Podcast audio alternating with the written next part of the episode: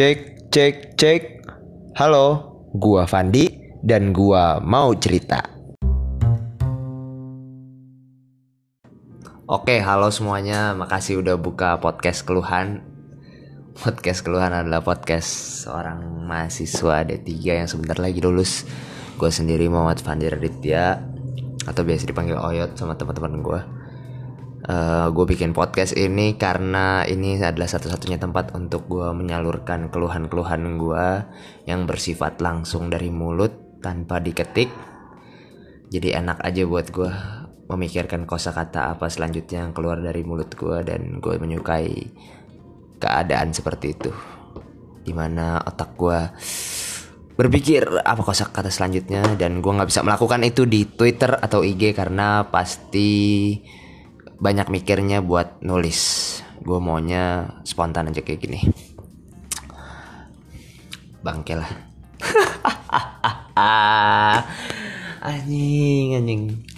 Sejak kapan ya gue terakhir buka video eh buka video buka podcast kayak gitu? Kapan ya terakhir ya? Pas ajeng gak kayak gitu. Pas gue bahas ajeng gue kayaknya langsung deh. Iya langsung. Terus lama tidak muncul akhirnya gue rekaman lagi gue perlu ngejelasin gitu gak sih? Gue tuh dari mana selama ini? Terus kenapa nggak rekaman rekaman anjing gigi banget. Kesannya ditungguin banget gitu siapa yang nungguin gue nggak ada. Gue bikin listener baru 8 plays baru 80 80 10 nya ajeng deh kayaknya. Miris banget. 70 nya baru yang lain Enggak malah malah malah mungkin ajeng 15 dikocak banget. Tuh 20 mungkin. 60 nya yang lain. Ya terus siapa yang nunggu gue gitu lah. Siapa yang nunggu gue terus ngapain gue jelasin gue dari mana nggak upload upload kayak buat apa? Tapi oke okay lah. Karena gue mungkin ngejelasin gue dari mana ada kaitannya dengan apa yang mau gue bahas kali ini di podcast ini di podcast episode ini uh, oke okay lah mungkin sebagian ada yang tahu sebagian yang gak ada yang tahu bodo amat. Ya gue kan tingkat akhir ya.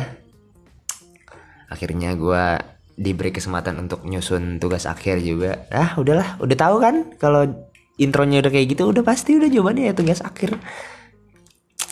Padahal sebenarnya tuh di awal gue pengen ngambil kesempatan tugas akhir ini nggak se apa ya nggak benar-benar fokus ke situ doang dan meninggalkan kebiasaan-kebiasaan gue yang lain ya. Contohnya podcast ini karena kayak kenapa harus diambil pusing gitu. Nah sampai suatu saat bahwa gue eh bah sampai suatu saat bahwa sampai suatu saat gue nggak dapat dapat data. Karena nggak dapat data nggak bisa nulis judul. Karena nggak bisa nulis judul nggak bisa nulis tugas akhir ya udah jadi gue nunggu data nunggu data sambil ngerjain podcast. Sambil bikin podcast. Akhirnya gue dapet. Nah pas abis dapet data ada deadline-nya dan deadline-nya ah sebulan mungkin. Ya udahlah gue mau nggak mau harus kebut. Dan alhamdulillah itu kan uh, tugas akhir diploma 3 ya gue nggak bayangin kalau skripsi. Kayaknya nggak mungkin sebulan. Mungkin sih? Seandainya sebulan juga. Nanti kayak yang itu tuh yang jurusan fisip di universitas mana yang ngambil judulnya tentang SpongeBob kalau nggak salah. Terus referensi-referensinya di daftar pustaka SpongeBob episode berapa? Kocak banget. SpongeBob episode berapa? Terus uh, dapat ngambil da, ngambil referensinya dari blog orang cerita SpongeBob bla bla bla dot blogspot.com aja kocak banget. ya gue bingung kok kok kok dia bisa? Satu nih ini kejanggalannya banyak. Satu kok dia bisa bikin kayak gitu? Dua kok dosennya membolehkan dia membuat kayak gitu? Tiga pas sidang apa kagak dicek lagi? Pas sidang berarti kan yang ngecek kan banyak ya harusnya nggak satu dosen dong bisa tiga atau mungkin lebih di kampus di, di kampus dia.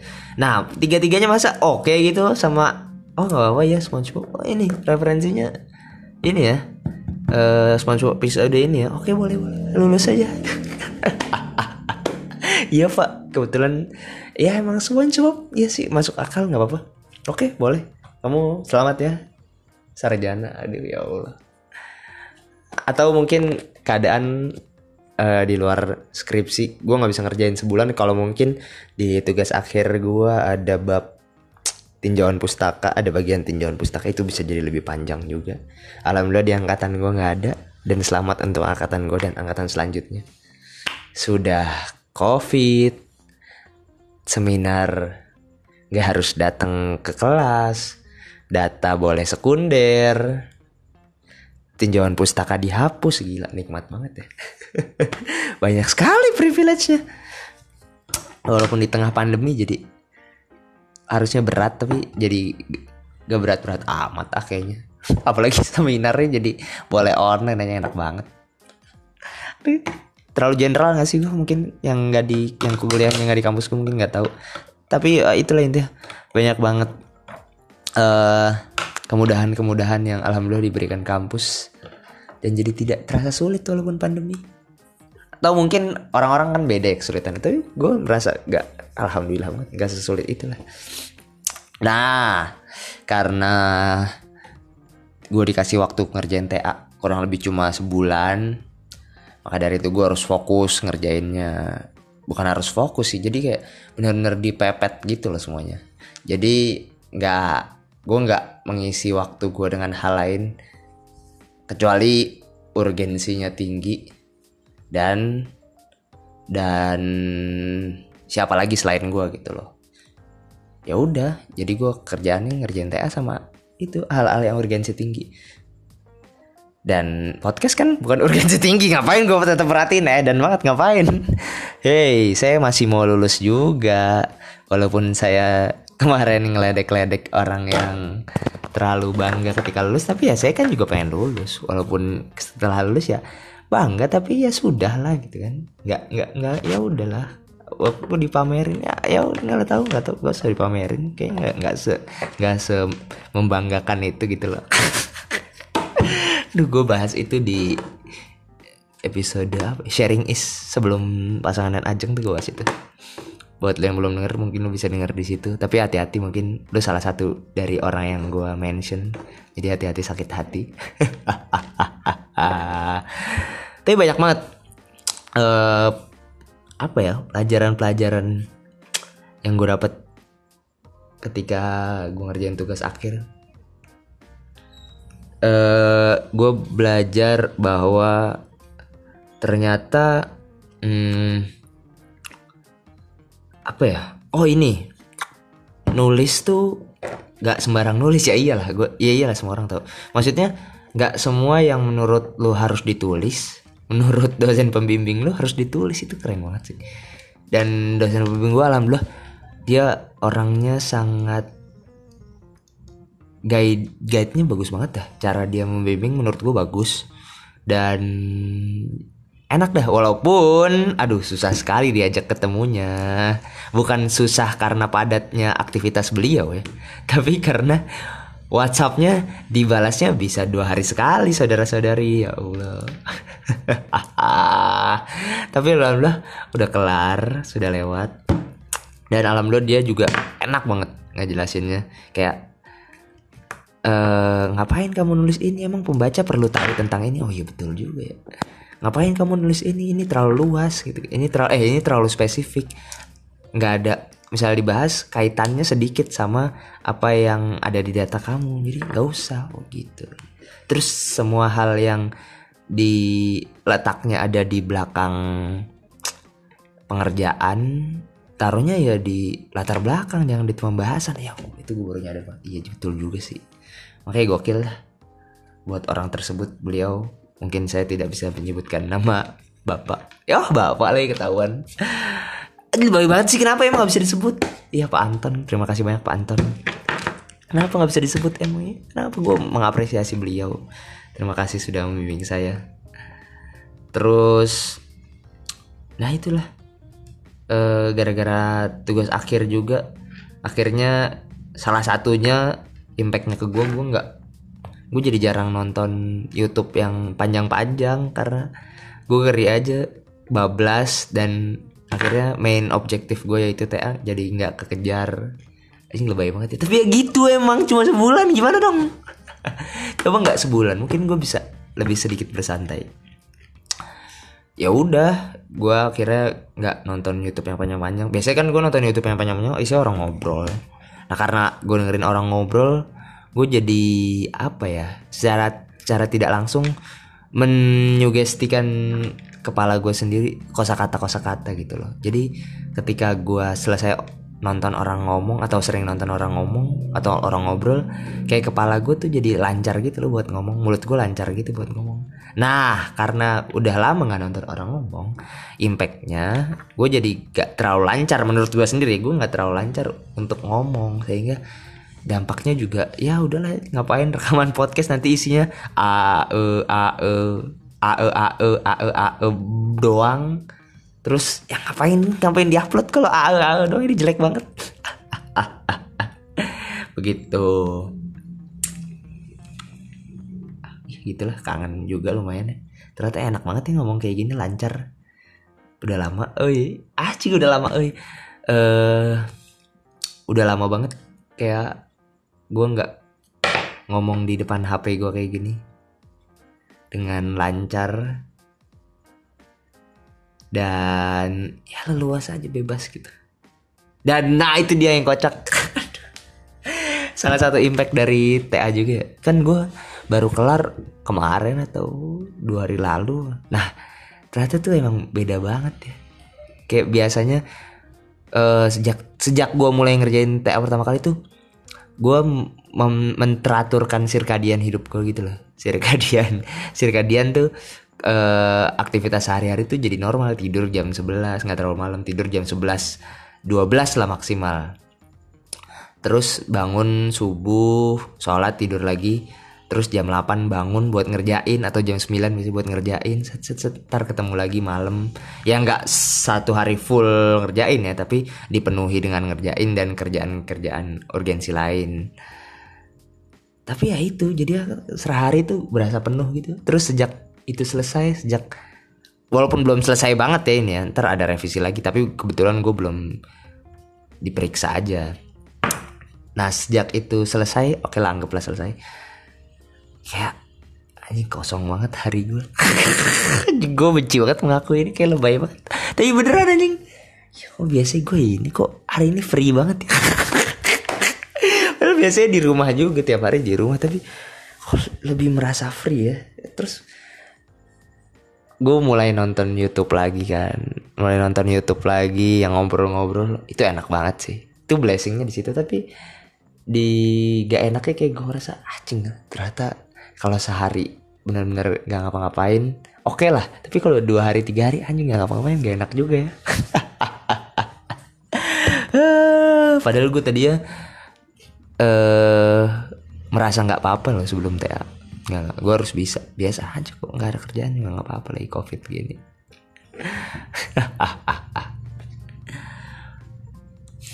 Nggak banyak yang gue bahas ya lah ngapain gue bilang gue nggak banyak yang dibahas? Orang-orang juga tahu bahwa kayaknya nggak banyak yang dibahas kalau videonya udah eh kalau podcastnya udah mau kelar. Kenapa sih kok gue banyak ngomong video sih? Enggak nggak ada rekaman nggak ada pakai kamera pakai hp doang. Nggak ada nggak ada nggak ada. Gue belum bikin channel YouTube nggak ada. Podcast pakai pakai hp doang pakai audio doang nggak ada. Kenapa? Video-video nggak ada nggak ada. Ya udah kayak itu doang yang gue mau salurkan. Pokoknya gue seneng lah. Akhirnya bisa. Ah, podcast keluhan ya semoga gue tetap konsisten di sini ya oke? Okay? kasih semuanya makasih udah klik. Kalau lo denger sampai menit segini oh gila hebat lo makasih ya. Dadah bye bye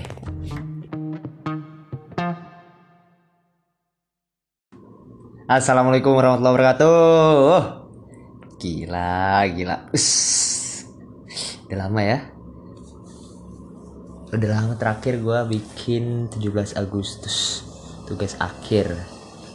Sekarang udah acik 3 Oktober. Ah, udah sebulan lebih men men. Udah sebulan lebih. Gue yakin gak ada yang nungguin gue juga kecuali satu orang yang gue tahu. Siapa yang nungguin gue terkenal juga enggak tapi gue melakukan ini kan untuk kesenangan gue sendiri. Terus gue tadi eh bukan tadi sih minggu-minggu ini anjing gue lama banget nggak buat podcast ya gue kangen juga ini. Gue kangen nulis skrip gue kangen ngeledek apa yang gue lihat. Anjing anjing.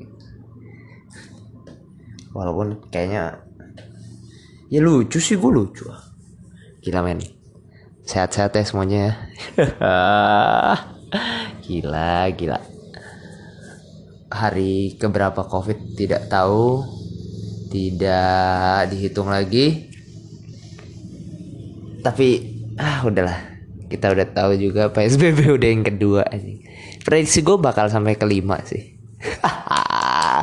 Jadi kayaknya 2021 juga belum kelar. Kita tahu lah di Indonesia lah ya. jangan jangan sok-sok inilah apa uh, masih ada harapan masih ada enggak, enggak ada enggak ada. Harapan tidak ada harapan tidak ada kawan.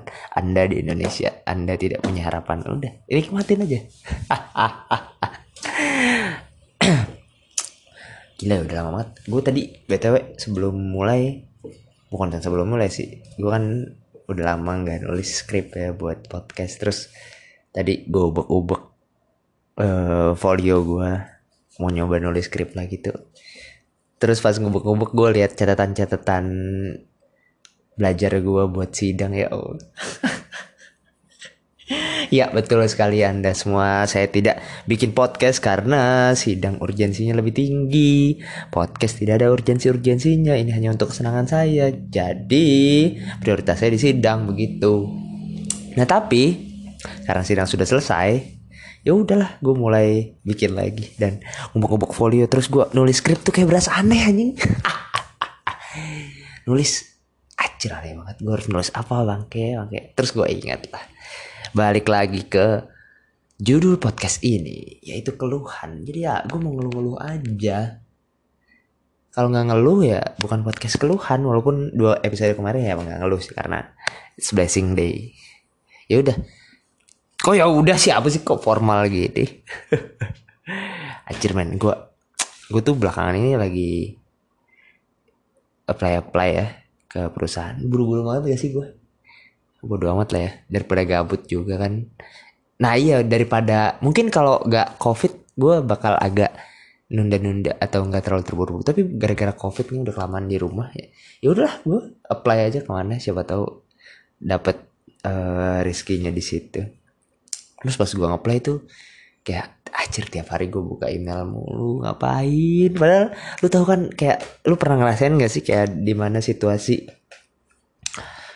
Lu sebenarnya email lu gak rusak terus notifikasi HP lu gak rusak terus jelas-jelas kalau ada notifikasi email di HP berarti ada email yang masuk. Nah ini udah sebenarnya nggak ada notifikasi di email tapi gue paksa-paksain buka email kayak masa sih nggak ada masa sih nggak ada? Apaan sih? Gue kenapa sih? Ya kenapa gue se menunggu-nunggu itu kenapa ini? Apakah gue akan menjadi calon-calon workaholic? Aduh. Kayaknya kalau gue nggak bisa bukan nggak bisa sih. Kalau misalnya gue ntar interview ternyata ditolak atau segala macem atau mungkin gak ada yang dibalas kayak apa gue harus ngelanjutin hidup gue dari podcast aja? Kerja gue ter tiap hari di kamar nulis skrip terus rekaman. Terus ter uploadnya udah mulai menentu udah mulai ada interval waktunya.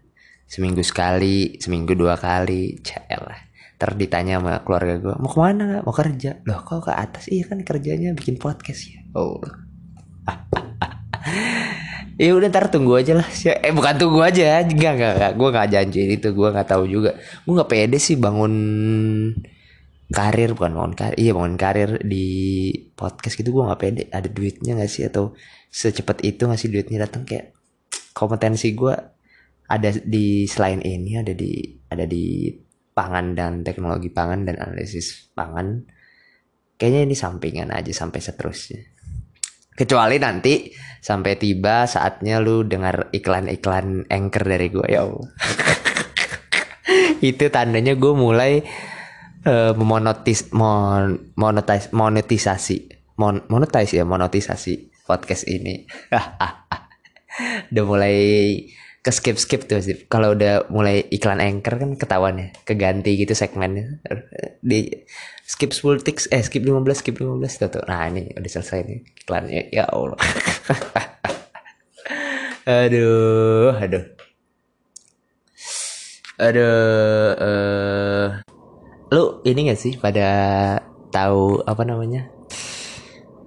Duh apa sih itu bilangnya? Oh ini yang di Twitter tuh yang ada suatu kementerian yang mengucapkan Hari Tani Nasional tapi desain pamfletnya atau desain ucapannya ngambil dari Pinterest atau Google. Ya pokoknya ngambil sekelas pemerintahan dan sekelas kementerian. Ngambil aja gila gila. Tapi setelah gue lihat-lihat apa sih kementerian apa nih? Nah gue nggak gue nggak kaget lagi sih. Ternyata itu kementerian pertanian. Ya ini belakangan itu kementerian pertanian tuh lagi sering bikin ulah loh. Yang ketiga ini yang ketiga loh. Yang ketiga tuh ini ngambil gambar dari Pinterest apa Google nah yang kedua ada dua masalah nih kemarin nih. Yang kedua yaitu ini kemarin udah legalin ganja tapi eh ditarik lagi pelegalannya. Anjing goblok banget. Sekelas pemerintah gitu ya. Dan itu ditariknya gara-gara banyak kontra dari netizen dan dari orang-orang lah. Tapi banyak juga pro nya tapi mungkin lebih nyari aman ya udahlah yang kontra lebih didukung ya Allah aja kementerian pertanian aneh banget aneh banget. Gue nggak ngomongin gue pro atau kontranya tapi yang jelas kepelimplanannya bisa loh sekelas kementerian. Nah itu belum apa, -apa Kementerian Pertanian juga yang menyarankan menggunakan kalung corona ya kalung corona tuh yang sempat viral itu ya, yang sempat diomongin orang apa sih kok pakai kalung? Itu yang menyarankan adalah Kementerian Pertanian. Jadi kemarin gue pas lihat ngambil nyolong gambar dari Google nggak kaget sih gue ya udah udah tahu kok Kementerian Pertanian belakangan ini emang rada kayak pusing covid ih iya gak sih COVID berpengaruh pada hasil tani Indonesia gak sih? Mungkin pengaruhnya besar jadi pusing mereka. ya Allah. Uh, udah pernah gue singgung juga belum sih sebelumnya di episode-episode sebelumnya gue nyinggung Kementerian Pertanian? Kayak belum ya? Ih baru kali ini. oh iya yang pernah gue singgung dan sudah terjadi belakangan-belakangan ya itu. Ospek online saudara-saudari ya Allah. gue udah pernah bilang ya waktu itu di urgensi kalau di episode urgensi ya kalau sidang boleh lah di online kan karena kampus juga pengen buru-buru ngelepas mahasiswanya kuotanya penuh soalnya kan tenaga pengajarnya nggak bisa mencukupi buat ngajar sebanyak itu ya emang juga harus diluluskan. Tapi kalau ospek di online sebesar apa urgensinya? Dan akhirnya viral kan? Ini gue udah tau gue tahu sih ini udah mungkin dua minggu tiga minggu terjadi tapi karena gue telat bikinnya tapi tetap mau gue bahas soalnya kocak banget. Kenapa ya? Maksud gue kenapa pas udah pandemi gitu dan ternyata harus online kenapa gak nyerah aja gitu sih? Kayak kenapa harus ada marah-marah? Kenapa ya? walaupun mereka mau balas dendam karena tahun sebelumnya mereka pernah di hardik juga sama kakak tingkatnya kenapa kenapa sekarang nggak mau nyerah aja gitu loh? Kenapa motivasinya masih tinggi gitu? Sedangkan keadaannya bener-bener tidak memungkinkan. Nyadar gak sih? Nyadar gak sih? Mungkin mereka nggak pikiran waktu ah, kita online tetap marah-marah tetap marah-marah. Tapi mereka nggak sadar gitu. Mereka nggak mempertanyakan kesereman marah gitu. Tapi kalau kita marah-marah online tuh serem gak sih? Coba pas rapat ada yang ngomong kayak gitu tuh. Pasti pasti ini tuh pasti nggak jadi. Eh tapi nggak serem kan ngapain? Atau mungkin pas rapat tuh ada yang merasa aduh ngapain sih ini? Kok online masih aja? Sepakat marah-marah. Ada orang yang kayak gitu tapi dia nggak ngomong tuh terus dalam hatinya aduh ini pasti bakal ngaco sih. Nggak bakal serem terus pas akhirnya tuh kampus viral udah tuh. Yang waktu itu gak berpendapat. Yang pendapat tuh cuma dalam hati nggak setuju kan gue bilang juga apa? Gue bilang juga apa? Batu sih satu udah nggak serem. Lu tuh gak ada impactnya. Buat gak, buat dating tidak ada impactnya satu. Kedua ke malu ke mana-mana kesebar-sebar kalau orang marah-marah eh, yang objek yang eh objek kayak objek yang menerima marahannya cuma si orang yang dimarahin ngerti gak sih? Misalnya ada orang marah-marah marah-marahnya ke gua. Nah berarti kan gua objek yang dimarahi. Kalau gua doang yang menerima marahannya mungkin bisa serem ya. Tapi kalau marahan itu kesebar ke mana-mana nggak serem lagi bahkan jadi lucu men. Itulah yang terjadi sekarang aja kasihan banget. Banyak juga jokes-jokes yang udah ya banyak banget yang ngebahas cutting marah-marah itu. Bisa ya pura-pura sih. Paling bener si datingnya tuh pura-pura serem. Iya kak. Aduh takut kak. Pokoknya melas aja udah. Kalau nggak ya udah nggak apa-apa. Pura-pura takut aja. Padahal sebenarnya apa sih dia orang? Dalam hati gue yakin banget apaan sih nih orang? Kenapa sih masih ke, mas, udah kepepet gini masih aja berusaha buat marah-marah online tuh? Dalam hati itu pasti kayak gitu ikat pinggangnya mana? Terus ter dalam hati yang gak ada ikat pinggangnya ya elah bro bro. Susah ya hidup. Hidup lu susah itu ambil kayak gini. Aduh. Dibaca peraturannya. Peraturannya dibaca enggak boro-boro kak. Dalam hati boro-boro baca peraturan. Ini gue aja bangun tidur langsung nyalain laptop diri kayak gini. Boro-boro baca aturan ngapain kayak gitu men. Aduh. Oh itu juga. Ya waktu itu yang sempat gue singgung adalah hmm, oh ini. Ngepost ngepost kelulusan. Oh akhirnya gue kemarin lulus dan ya gue melakukan eh gue melakukan. Gue tidak melakukan apa yang gue bilang nge-repost repost orang. Karena gue sadar kuliah gue tidak sepenuhnya usaha gue banyak banyak ngelihat sana sininya banyak nyonteknya. Terus terus masa gue harus membanggakan itu padahal ya bangga ada sih bangganya. Gue bangganya karena alhamdulillah selesai alhamdulillah mak gue nggak ada tanggungan lagi buat bayar kuliah gue dan akhirnya gue melakukan itu ya. Jadi gue ngepost uh, snapgram ya sama ibu gue dan gue makasih itu ke dia karena ya insya Allah udah nggak ada tanggungan pendidikan lagi udah selesai. Terus sisanya kalau ada gue melanjutin studi ya gue bayar sendiri. Gitu. Nggak ada yang sok-sok oh makasih ya makasih teman-teman. Iya. Di repost satu-satu ya. Next next next next gak kelar kelar. Apa sih posenya sama lagi kan? Eh, biasa gitu gak sih? Posenya sama ucapannya selalu itu terus jawabannya makasih makasih. Dengan panggilan makasih bro bro ini terus di panggilan panggilan tongkrongan makasih ini makasih makasih makasih black makasih keling dengan panggilan akrabnya. Ada template kayak gitu. Gila gila. Udah berapa hal tuh yang gue singgung terus akhirnya terjadi. Dan ya kejadiannya persis. Uh, corona. Itu gue singgung apa lagi sih? Covid covid. Oh covid Depok main aneh banget. Kenapa ya di Depok?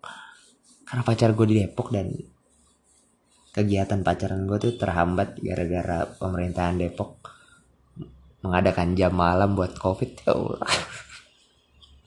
Emang covid nyebarnya malam doang terus kenapa ditutupnya malam doang? Gue sih berusaha positif thinking ke pemerintahan Depok ya mungkin segala aktivitas dimaksimalkan di siang hari jadi malam ditutup ya. Semoga positif thinking gue bener kayak gitu. Biar gue nggak kepikiran apa sih nih pemerintah kenapa sih? Emang covid malam-malam doang apa aja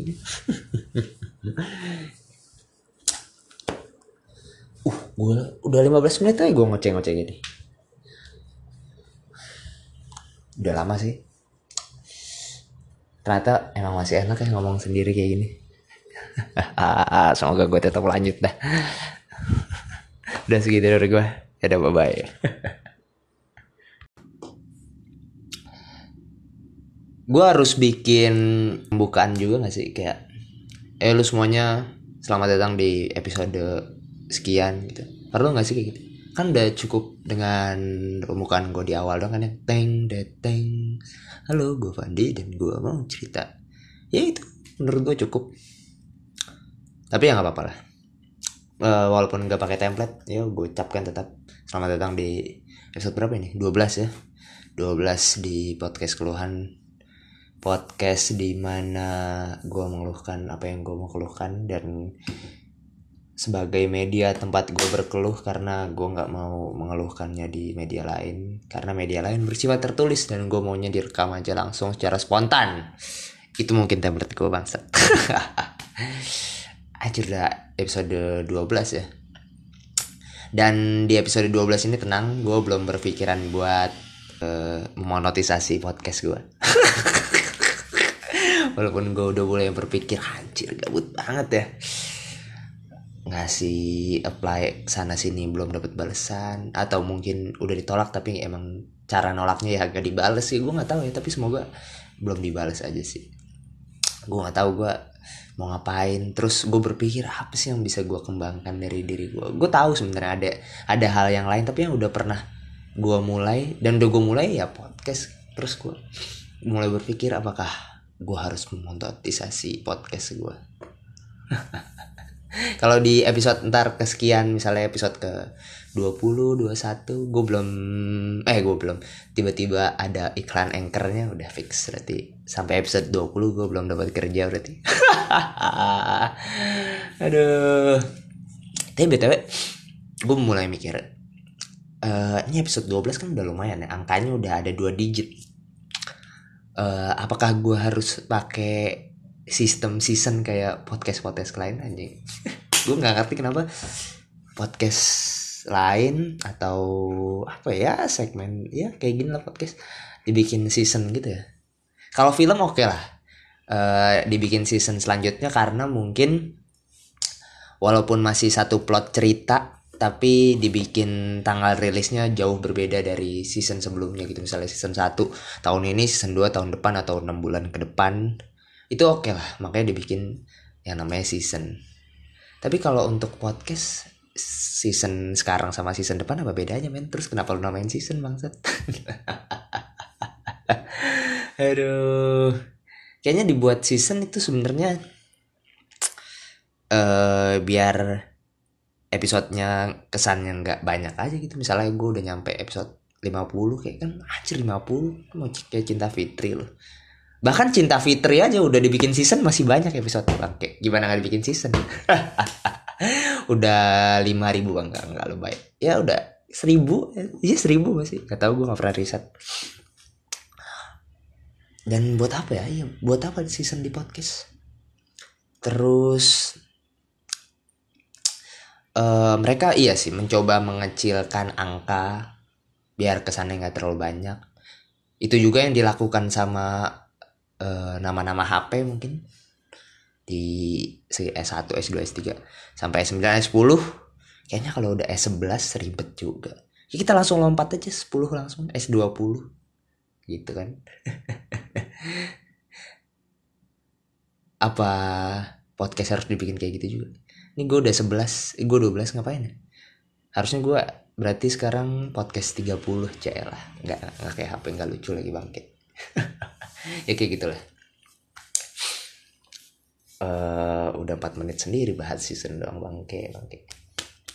Btw gue mau gue tuh abis gue ada cerita-cerita banyak banget. Ya nggak banyak sih tapi mungkin agak panjang. Jadi kemarin tuh beberapa hari lalu gue habis benerin HP gue kan. Nah di perjalanan ngebetulin HP gue ini btw HP gue udah di dibetulin yang ke empat kalinya. Tiga kali servis biasa satu kali garansi. Apa empat kali servis biasa? Satu kali garansi gue lupa lima apa empat kali gitu. Ibu udah banyak banget kan anjing malu-maluin banget. Gue gak mau move on aja mau kayak gue ukurannya yang menyenangkan buat gue gue gak suka yang terlalu gede. Oke okay, anyway. Terus gue lanjut kan. Gue lagi di perjalanan menuju servis HP dan gue realize satu hal. Lu pernah gak sih lewat eh, jalanan yang di jalanan itu selalu ada orang minta sumbangan pakai jaring. Biasanya sih masjid ya, biasanya masjid. nah, lu kan mik pernah mikir nggak kenapa itu pas lu lewatin jalan situ selalu ada tuh, tukang minta sumbangan gitu. Setelah, padahal lu udah lewat tuh jalan udah ya tiap hari tiga tahun gitu. Misalnya tiga tahun selalu lihat orang minta sumbangan masjid. Lu mikir gak sih? Itu anjir proyek masjidnya nggak selesai selesai bagaimana bang? It never end project apa gimana? Kayak masa selalu di renovasi tergantung. Masa di masa uh, orang kan biasanya rencana renovasi dulu baru mikirin budgetnya berapa. Oh ini dibalik aja. Kita dapat budgetnya berapa ntar kita renovasi kayak gimana pakai kocak banget. Aduh.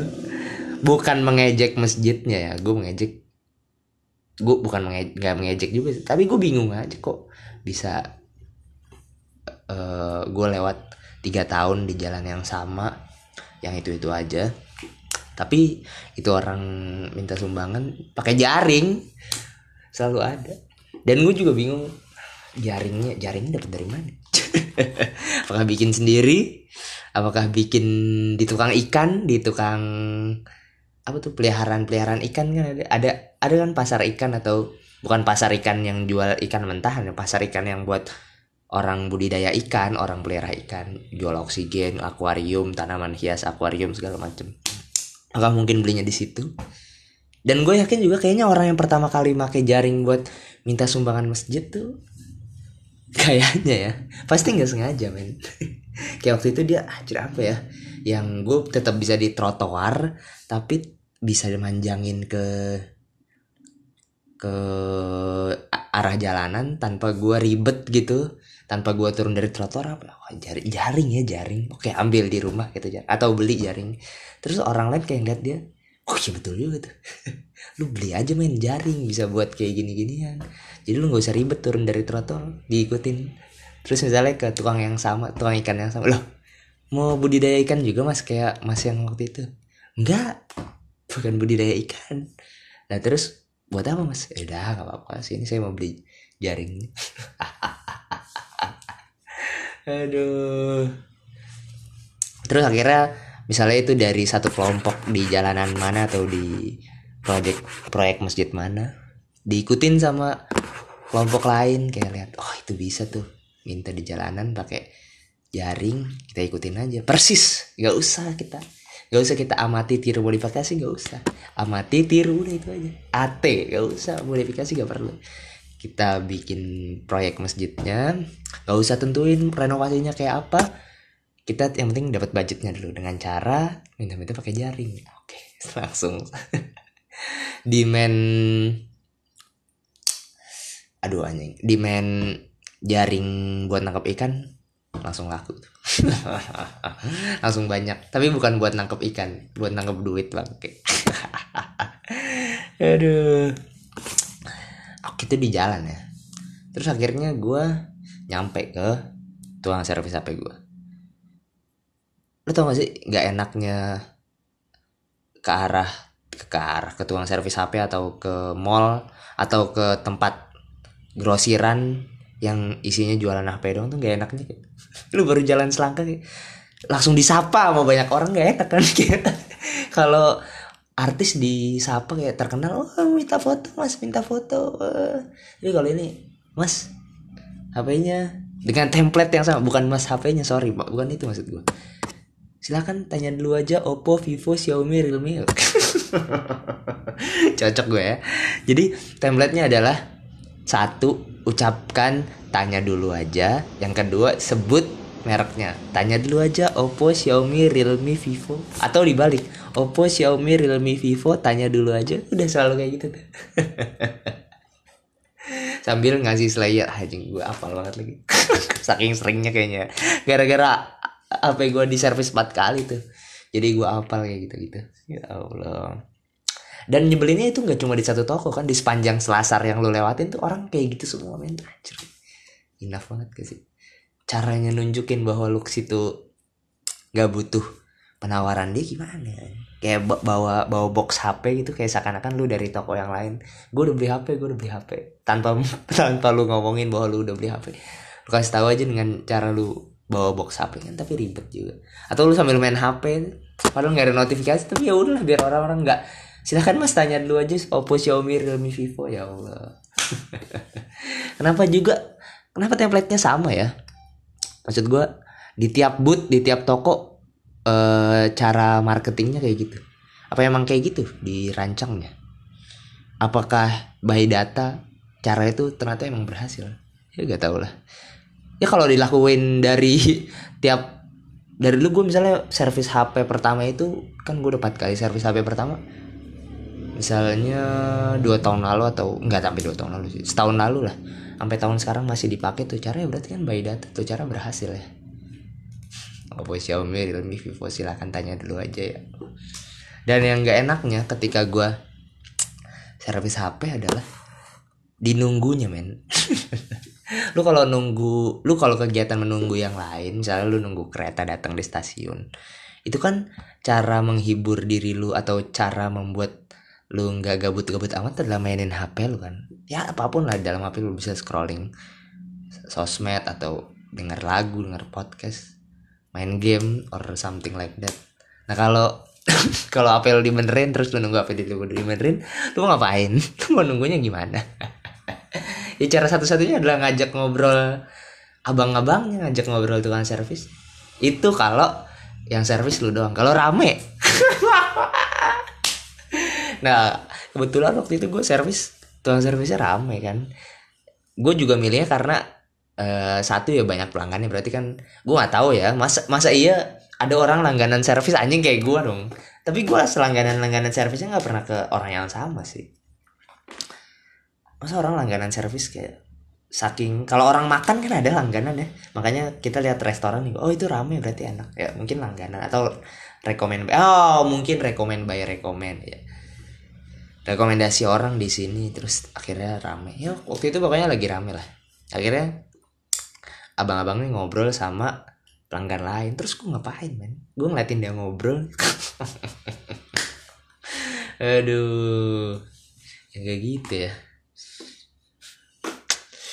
terus akhirnya ya udahlah gue terpaksa sosok sosok ngeliatin abangnya servis. Padahal ya gue udah empat kali kan udah ngeliatin orang servis empat kali dengan cara yang seperti itu. Dan kalau lu mau tinggal juga agak ribet. Misalnya lu mau ke mana gitu. Lu mau keluar atau misalnya masuk sholat lu sholat dulu. Atau mungkin lu perokok bisa ngerokok di luar. Tapi kalau ini kan kalau lu tung kalau lu nggak tungguin gimana ya itu? HP lu di situ. Terus siapa yang mau jamin bahwa itu nggak diambil? Ya mungkin bisa dia jamin tapi masa lu percaya? Padahal itu orang yang pertama kali lu temuin. Ya udah akhirnya otomatis lu tungguin itu gak enak banget. Jadi gue ngeliatin orang-orang gue mengamati ya gitulah cara-cara marketing HP tadi yang pertama tanya dulu aja segala macam terus pakai pakai perlak perlik yang rame banget tuh kalau toko HP selalu kayak gitu ya. perlak perlik rame. Atau karton-karton gede. Tokonya terang. Terus kebanyakan tuh eh yang enggak yang masang masang apa ya namanya ya? Papan nama tokonya gak sih? Iya gak sih? Namanya itu gak sih? Biasanya tuh nama tokonya kecil yang gede tulisan Oppo Vivo nya aduh bangke banget. Oppo Oppo Oppo Oppo terus nama tokonya kecil di kanan sama alamat tokonya mall apa lantai berapa zona apa? Anjing gua apa lagi. Aduh. Nyebelin banget ya. Kayak enak lah pokoknya. Gue pengen ganti HP tapi masih masih sayang banget sama HP gue yang sekarang karena ukurannya kecil dan gue lihat di pasaran nggak ada lagi HP ukuran kecil yang rilis baru. Seandainya ada mahal. Bangke bangke. Belum cukup budget gue gue aja masih pengangguran gue aja mikir podcast gue mau dimonetisasi apa enggak? Masa gue tiba-tiba beli HP mahal bangke kali? Atau mungkin karena itu nanti mungkin suatu saat ya. Kalau lu tiba-tiba denger podcast gue ada iklan anchornya ya berarti gue udah butuh HP baru. HP gue udah rusak lagi berarti. Aduh. Tapi waktu gue jalan kemarin nggak nggak nggak rame nggak rame sih. Kan waktu gue kemarin itu bertepatan dengan orang-orang pada demo kan orang-orang pada aksi. Cuma nggak tahu kenapa ya. Kenapa? Ini menurut gue juga pemerintah tuh di samping gue mendukung kebijakannya apa tidak ya. Tapi kan kayaknya pemerintah tuh bakal tahu impactnya sebesar ini. Ini gila kan gede banget men. Di seluruh hampir seluruh wilayah Indonesia. Tentunya nggak seluruh Indonesia dong. Tapi yang gue baca di berita hampir seluruh wilayah Indonesia demo. Dan gue yakin pemerintah DPR juga tahu dampaknya bakal kayak gini. Terus dia mikir gimana caranya kita tetap bikin kebijakan tapi tetap kebijakan yang bakal berdampak kepada masyarakat besar tapi tetap bisa kita buat kebijakan nah ini saatnya pak. Ini pak lagi covid pak. Walaupun nanti kebijakannya kita banyak yang nggak suka tapi kita bisa bubarin masanya dengan alasan covid covid covid tidak boleh demo. Gue yakin sih itu itu pasti salah satu pemikiran mereka tapi kayaknya hasilnya kayak gitu. Tapi ya bodo amat lah lu tahu sendiri anjir. Udah lama juga kecuali mungkin baru awal-awal covid. Kalau waktu itu awal-awal covid dibikin kebijakan ini atau di pertengahan lah. Mungkin nggak semua orang seberani sekarang ya tapi kalau sekarang gila udah udah ber, udah udah berapa sih? Gue aja udah lupa bulan keberapa ini covid makanya orang-orang udah pada ya udah ngapain? Kita juga di rumah. Udah enough gitu ditambah emosi dari kebijakan pemerintah ya udah kita demo aja. Mana nggak semua orang berniat demo beneran lagi ya gue liat di twitter aneh aneh aneh banget ya gue baru follow Indo Cringe tweet. Iya yeah, namanya itu ya, Indo Cringe tweet di twitter antara nyesel dan gak nyesel tuh gue follow. Gue gak nyesel karena iya bener-bener menghibur. Orang-orang cringe tuh banyak banget. Kebanyakan dari TikTok. Kira tuh kenapa apa sih masalah orang-orang TikTok? Bisa cringe cringe. Gue nyesel karena itu. Eh gue gak nyesel karena terhibur. Nyeselnya karena kadang ya menghibur tapi ya Allah jijik banget men. Yang orang-orang cewek-cewek aku ikut demo karena pengen ketemu Mas Crush pakai banner pakai karton. Gimana sih ngumpulin PD-nya kayak gitu tuh gimana sih caranya? Bisa sepede itu kayak ha, apa gue curiganya mungkin waktu itu mereka nggak bener-bener nulis eh gue mereka nggak bener pakai itu karton buat aksi tapi buat demo. Tapi pas pengen foto-foto aja eh, tulis tulis tulis yang lucu yang lucu apa ya apa ya? Aku pengen kita masker sani lucu nih lucu. Pasti jenaka nih. Ya, kita foto ah men men. Nggak nggak lucu. Cringe banget men. Aduh. Nggak tahu gue kenapa ya. Mungkin uh, orang-orang yang pengen ketemu crushnya di demo cocoknya sama orang cringe di TikTok juga. Banyak belakangan nih orang orang-orang cringe di TikTok. Aduh. Nggak tahu sih belakangan itu kayak dari dulu ya. Tapi katanya kata kata orang-orang sih kata teman-teman gue TikTok itu sebenarnya nggak secringe itu. Maksud gue tergantung apa yang lu lihat. Katanya hmm, algoritma TikTok tuh mirip-mirip YouTube tapi lebih spesifik banget. Misalnya lu sering liatnya tentang masak ya udah ntar yang keluar masak mulu bener-bener nggak yang lain yang masak mulu. Sistemnya kan juga scrolling tiap video kan nggak nggak nggak lu nggak bisa milih apa yang lu mau lihat tapi langsung scroll ternyata yang keluar ini scroll keluar ini. Iya gak sih? Kayak gitu gak sih? Kalau kayak gitu ya ya udah tersegmentasi banget. Tapi kalau lu biasa lihat cowok-cowok cringe cewek-cewek cringe ya udah rekomen lu tuh isinya udah cringe semua. Bangsat, bangsat. ada aja. Ada di TikTok yang yang gara-gara aksi kemarin tuh dia pokoknya bikin post. Backgroundnya empat presiden awal empat presiden pertama.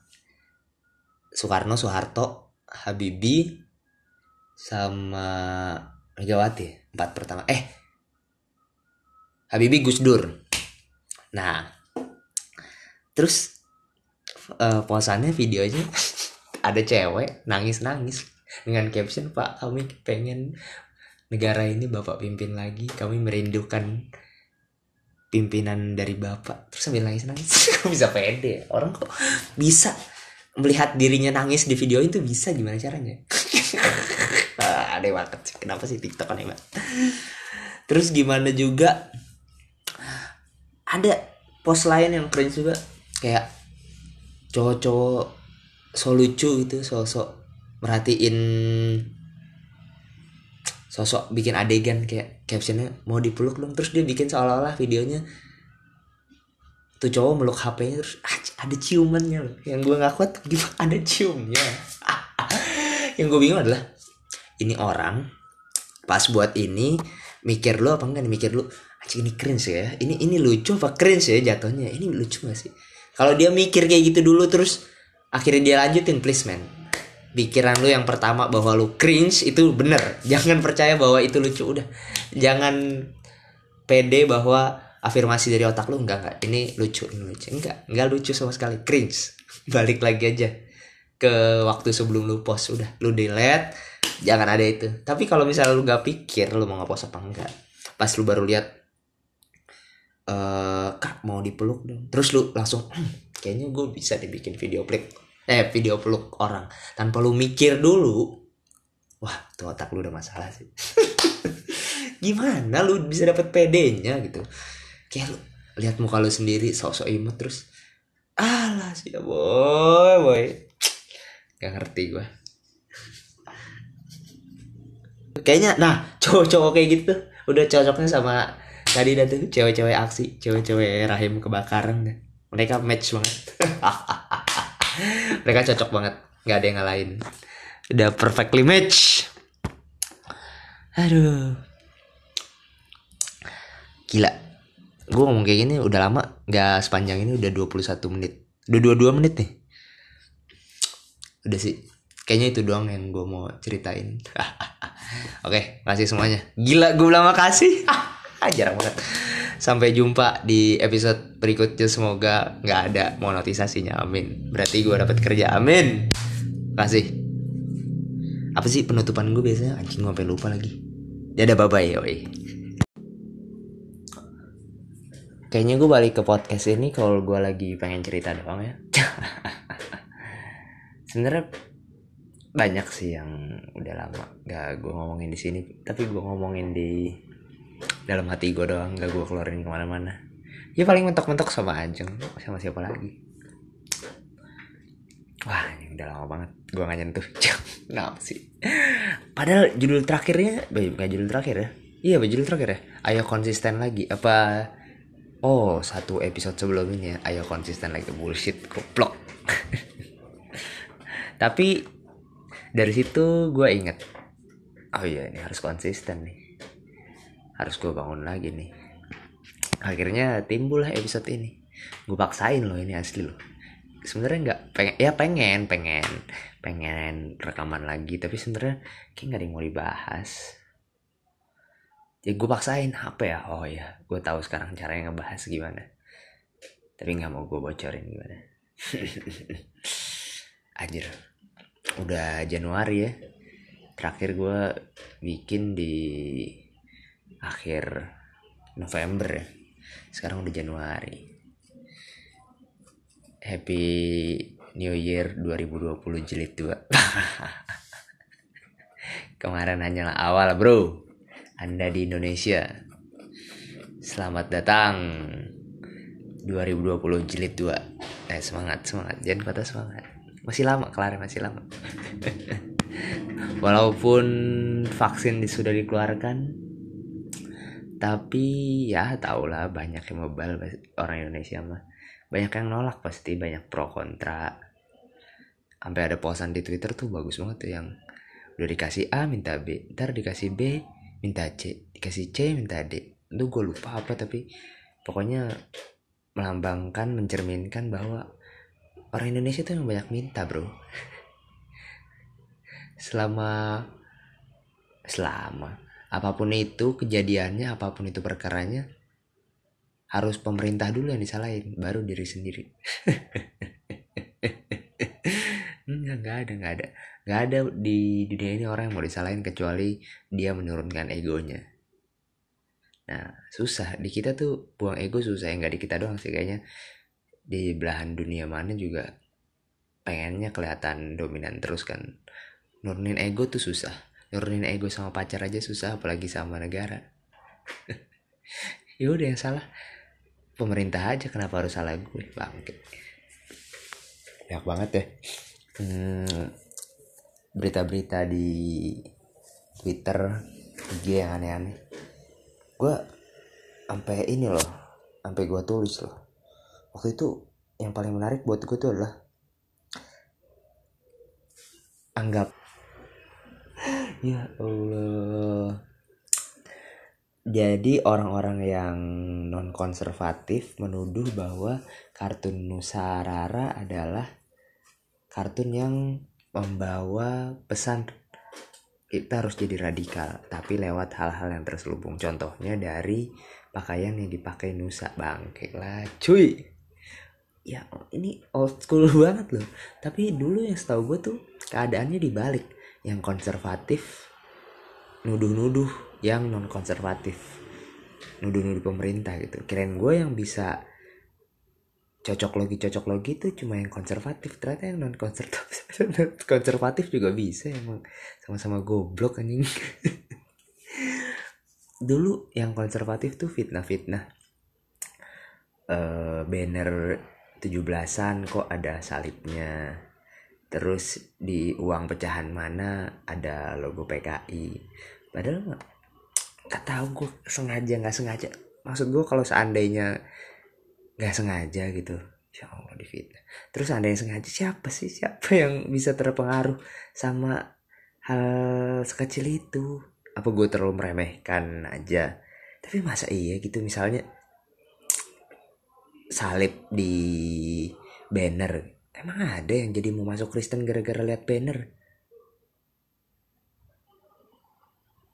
Ya Allah. Gimana ya? Apalagi ideologinya berubah gara-gara lihat di pecahan mana ada ada katanya ada lambang PKI walaupun bentuknya sih dipaksain waktu itu ya menurut gue emang ada gitu yang anjir kayaknya komunisme bener nih.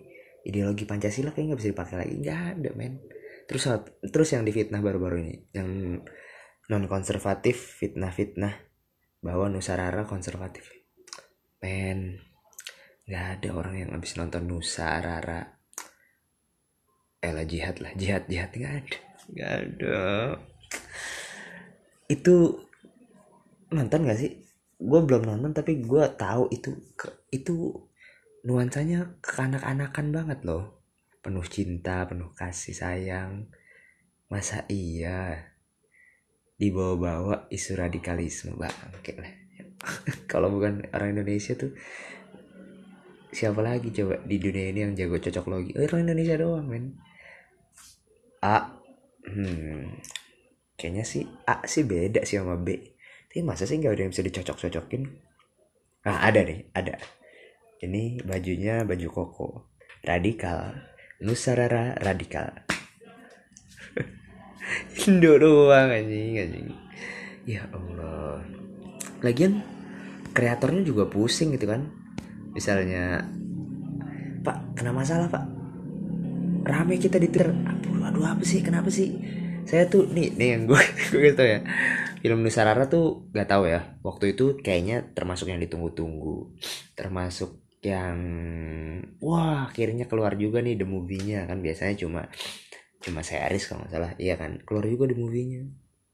Eh pas jadwalnya keluar pandemi dikeluarin lah lewat platform salah satu platform berbayar. Eh di nah bangke udah omset turun. Di fitnah fit. Pak ada masalah pak? Kenapa sih? Ada apa lagi sih? Ini pak Nusa di fitnah radikal pak. Aduh apa aja ya itu di ruang meeting juga. Misal dikasih tahu ke atasannya ah serius? Gak ada masalah yang lebih serius apa? Ya allah ternyata capek-capek gue bikin film Nusarara. Impactnya kayak gini yang bisa gue timbulkan ke masyarakat bangsat nyesel juga gue terus yang pertama kali cocok logi nih menurut gue aneh banget yang pertama kali cocok logi tuh siapa sih yang nyebarin ide ini? Radikal radikal sebarkan di twitter sebarkan dan aneh ada yang setuju lo gue nggak tahu ya. Setuju gara-gara termakan kata-kata persuasif. Atau emang udah setuju dari awal terus pas lihat tweet itu merasa terwakilkan. Melihat statement bahwa Nusara radikal merasa terwakilkan. Mau lu mau lu terkena ajakan persuasif mau lu emang udah awal setuju sama-sama goblok sih udahnya. Anjing ayo bro isu lain tuh banyak yang lebih penting bro. Kenapa nusarara difitnah radikal? Kan ada yang lain. Oke oke. Aduh aneh banget.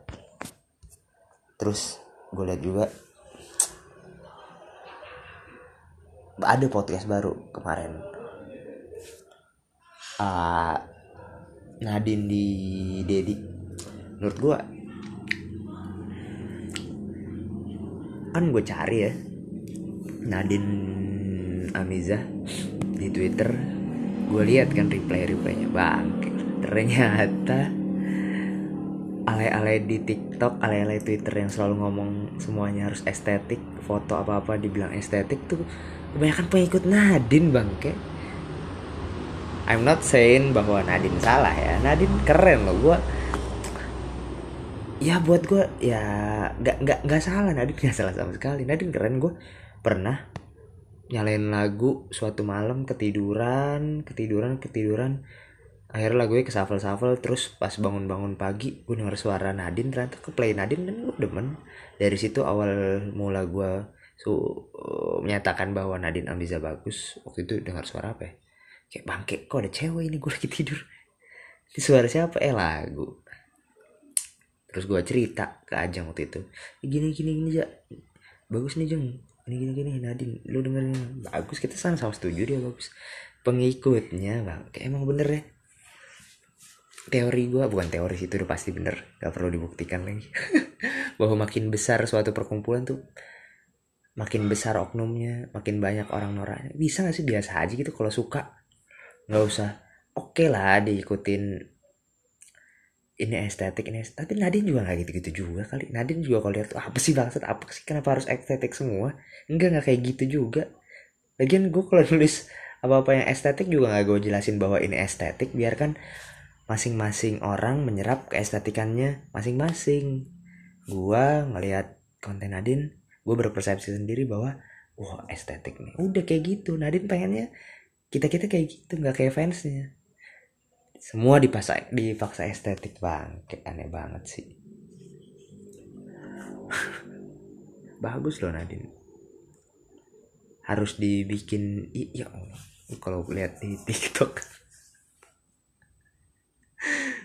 Itu tuh kan gue udah sebenarnya nggak terlalu demen sama platform itu ya tapi gue nggak tahu gue yakin bahwa sebenarnya gue menolak tua aja gue kayak orang-orang tua yang apa sih Facebook? Apa sih? Terujung-ujungnya bikin Facebook.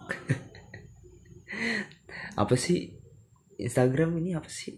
Anak-anak sekarang aneh. Eh dia bikin Instagram. Kayaknya mungkin gue di TikTok seperti itu. Tapi karena platformnya sering menye sering menyilang ya sekarang TikTok ke Twitter Twitter ke TikTok kan banyak ya. TikTok TikTok yang masuk Twitter estetik. Sampai ada apa namanya? Teks dari apa teks teks dari bocah estetik. Banget kalau lagi uh, sedih tuh lu buka aja itu. Dijamin kayak ternyata banyak ya orang-orang bodoh. Gue nggak sedih-sedih amat. Gue nggak sebegitunya menjadi menyedihkan. Ternyata banyak yang lebih menjadikan daripada gue buka aja tuh gue lupa namanya. Pokoknya teks dari TikTok or something like that terus ada lagi di Twitter. Bukan di Twitter sih. Ini gue nggak tahu ya rada masalah. Lu tau gak sih? Video yang kuda delman kolaps terus orang-orang kayak stop kekerasan pada hewan stop kekerasan pada hewan. Iya gini dulu satu-satu ya. Ini kekerasan pada hewan betul. Tapi kayaknya kalau di share-nya lewat internet emang lo yakin bapak si supir delman itu pakai twitter pakai internet? Kayaknya kena akses internet aja enggak. Terus kenapa lo keluar-keluarnya di internet? Salah bro. Salah media. Oke lah kekerasan general gitu. Misalnya kucing. Ah itu gue setuju banyak sih itu itu nggak berotak sih kalau itu mah anjing. Kalau bapak si bapak delman ini kan gue yakin dia nggak nggak pengen kudanya mati sih nggak pengen kudanya kolaps setengah jalan itu kan sumber rezeki dia. Tapi kalau ini ada anak-anak yang bakar kucing itu kan itu kan keinginan pribadinya ya. Nggak ada sangkut pautnya juga sama keberlangsungan hidupnya nggak kayak bapak tadi sama kuda. Itu baru kekerasan diniatkan. Kalau bapak ini kan tidak gue yakin bapak ini juga nggak pengen sebenarnya. Terus kenapa? Ya nggak pengen dia caper terus bangke lah sepi nih delman gue racunin apa ya biar kolaps diliatin orang. Engagement naik terbanyak lagi yang naik delman. Nggak kayak gitu pemikirannya tukang delman juga. Lagi nggak? Yang gue sayangkan adalah seandainya uh, delman ini orang si pengguna delman ini kena akses internet aja. Kayaknya dia juga nggak bakal mau deh disuruh berhenti ngedelman kayak pasti dia punya dalih loh ini kan pekerjaan saya. Gimana dong? Saya harus paksa kuda ini berlari terus demi demi keberlangsungan hidup saya dan keluarga saya. Bahkan ada pekerjaan lain. Ya nggak bisa gitu dong. Passion saya kan ini. Waduh gimana kalau bapak-bapaknya bawa passion anak-anak zaman sekarang aja. Kalau udah nyaman di pekerjaan yang nggak mau disuruh pindah kerja kan ya sama. Dia udah nyaman dengan delmannya. Kalau disuruh pindah dengan alasan ini menyakiti hewan kalau dia bawa, -bawa passion gimana Gak susah dong. Itu dia susahnya. Kalau kalau itu berhubungan dengan pekerjaannya kayak susah banget buat disuruh ganti yang lain. Ya emang nggak bisa gimana ya susah ya nah itu dia pentingnya menurut gue emang harus kaya dulu sih baru beradab. Nih ya. Maksudnya di negara-negara lain ada larangan kekerasan pada hewan tuh rata-rata negaranya harus maju dulu. Sehingga semua orang itu punya standar paling bawah literasi lah bahwa kita semua di negara ini setuju tidak boleh menyakiti hewan. Nah, langkah-langkahnya diatur kayak gini nih. Ini yang termasuk penyakit hewan yang termasuk tidak. Nah kalau di Indonesia kan ada kesadaran bahwa kita tidak tidak boleh menyakiti hewan aja nggak ada ya. Sebagian orang doang yang punya. Makanya tetap ada kucing dibakar. Kalau ini gue nggak bisa bilang kuda kekerasan sih gimana ya? kalau kerjaan tuh ya tadilah fashion lah kayak. Aduh aduh. Udah berapa menit nih gue ngoceh mulu? Wow 15 menit. Masih bisa gue ngomong lama-lama. Itu gimana kalau bobo passion? Susah kan? Sama kayak gue nih bang. Kayak susah nih gue nih kalau bobo passion. Gue udah tuh gak sih gue udah mulai desperate? Gue tuh udah interview 8 kali 8 kali ya. Hari 19 Januari nanti yang ke 9 bangke main 9 di interview pertama gua kandidat lainnya adalah teman gue sendiri. Dan ketika dia lolos dia bilang e, santai yot berjuang lagi. Gue aja udah 10 kali interview baru berhasil di yang ini. 10 kali men. Dia 10 kali interview gue baru pertama kali waktu itu. Kita bareng interviewnya lah gue udah 9 berarti harusnya satu perusahaan lagi sih gue keterima sih. Kalau pakai hitung-hitungan nasib 10 kali nyoba yang ke 10 keterima. Nah yang gue kayak udah mulai menyerah kayak udah gak bisa ngumpulin motivasi sendiri lagi. Masa gue harus buka YouTube YouTube motivasi sih? Udah mulai dengerin lagu hi-fi lagi lo gue bangke lah. Bahaya tau kalau lu dengerin lagu hi-fi lagi tuh berarti lu lagi kadar semangat lu tuh lagi di bawah average. Harus ditendang pakai lagu hi-fi bangke. Asli loh. Current favorit song gue sekarang jatuh bangkit kembali. Kita semua boleh jatuh tapi harus bangkit harus bangkit kembali. Ya Allah. Jatuh sembilan kali. Ya nggak mau ngomong jangan sembilan. Yang kemarin ya oh sembilan itu tiga lagi pengumuman. Belum pengumuman. Nah berarti yang 6 udah pengumuman. 6 kali jatuh harus bangkit kembali. Bangkit kok gue bisa kok gue. Tapi ya gitu sih udah mulai. Aduh. Kembali ke rencana awal apa ya? Kalau anchor diduitin asik juga. Oke nanti untuk pertama kalinya ada iklan. Gue masuk podcast mas Asia Network apa biar ada engagement juga. Tapi kayaknya udah cocok belum sih gue masuk? Belum seribu sih listenernya. Tapi kan teman-teman gue yang denger ya. Oh, teman-teman gue yang denger. Teman-teman gue di sini harusnya sih kita berjuang bersama-sama bro. Nah kayak Nadine tuh. Terima kasih telah berjuang sampai sekarang. Ya Allah.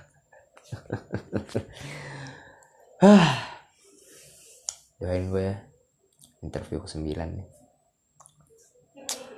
menyedihkan gue. Oke. Okay. lah udah segitu dari gue. Dadah. Dadah bye bye wah anjing hampir lupa gue penutupan gue sendiri. Dadah bye bye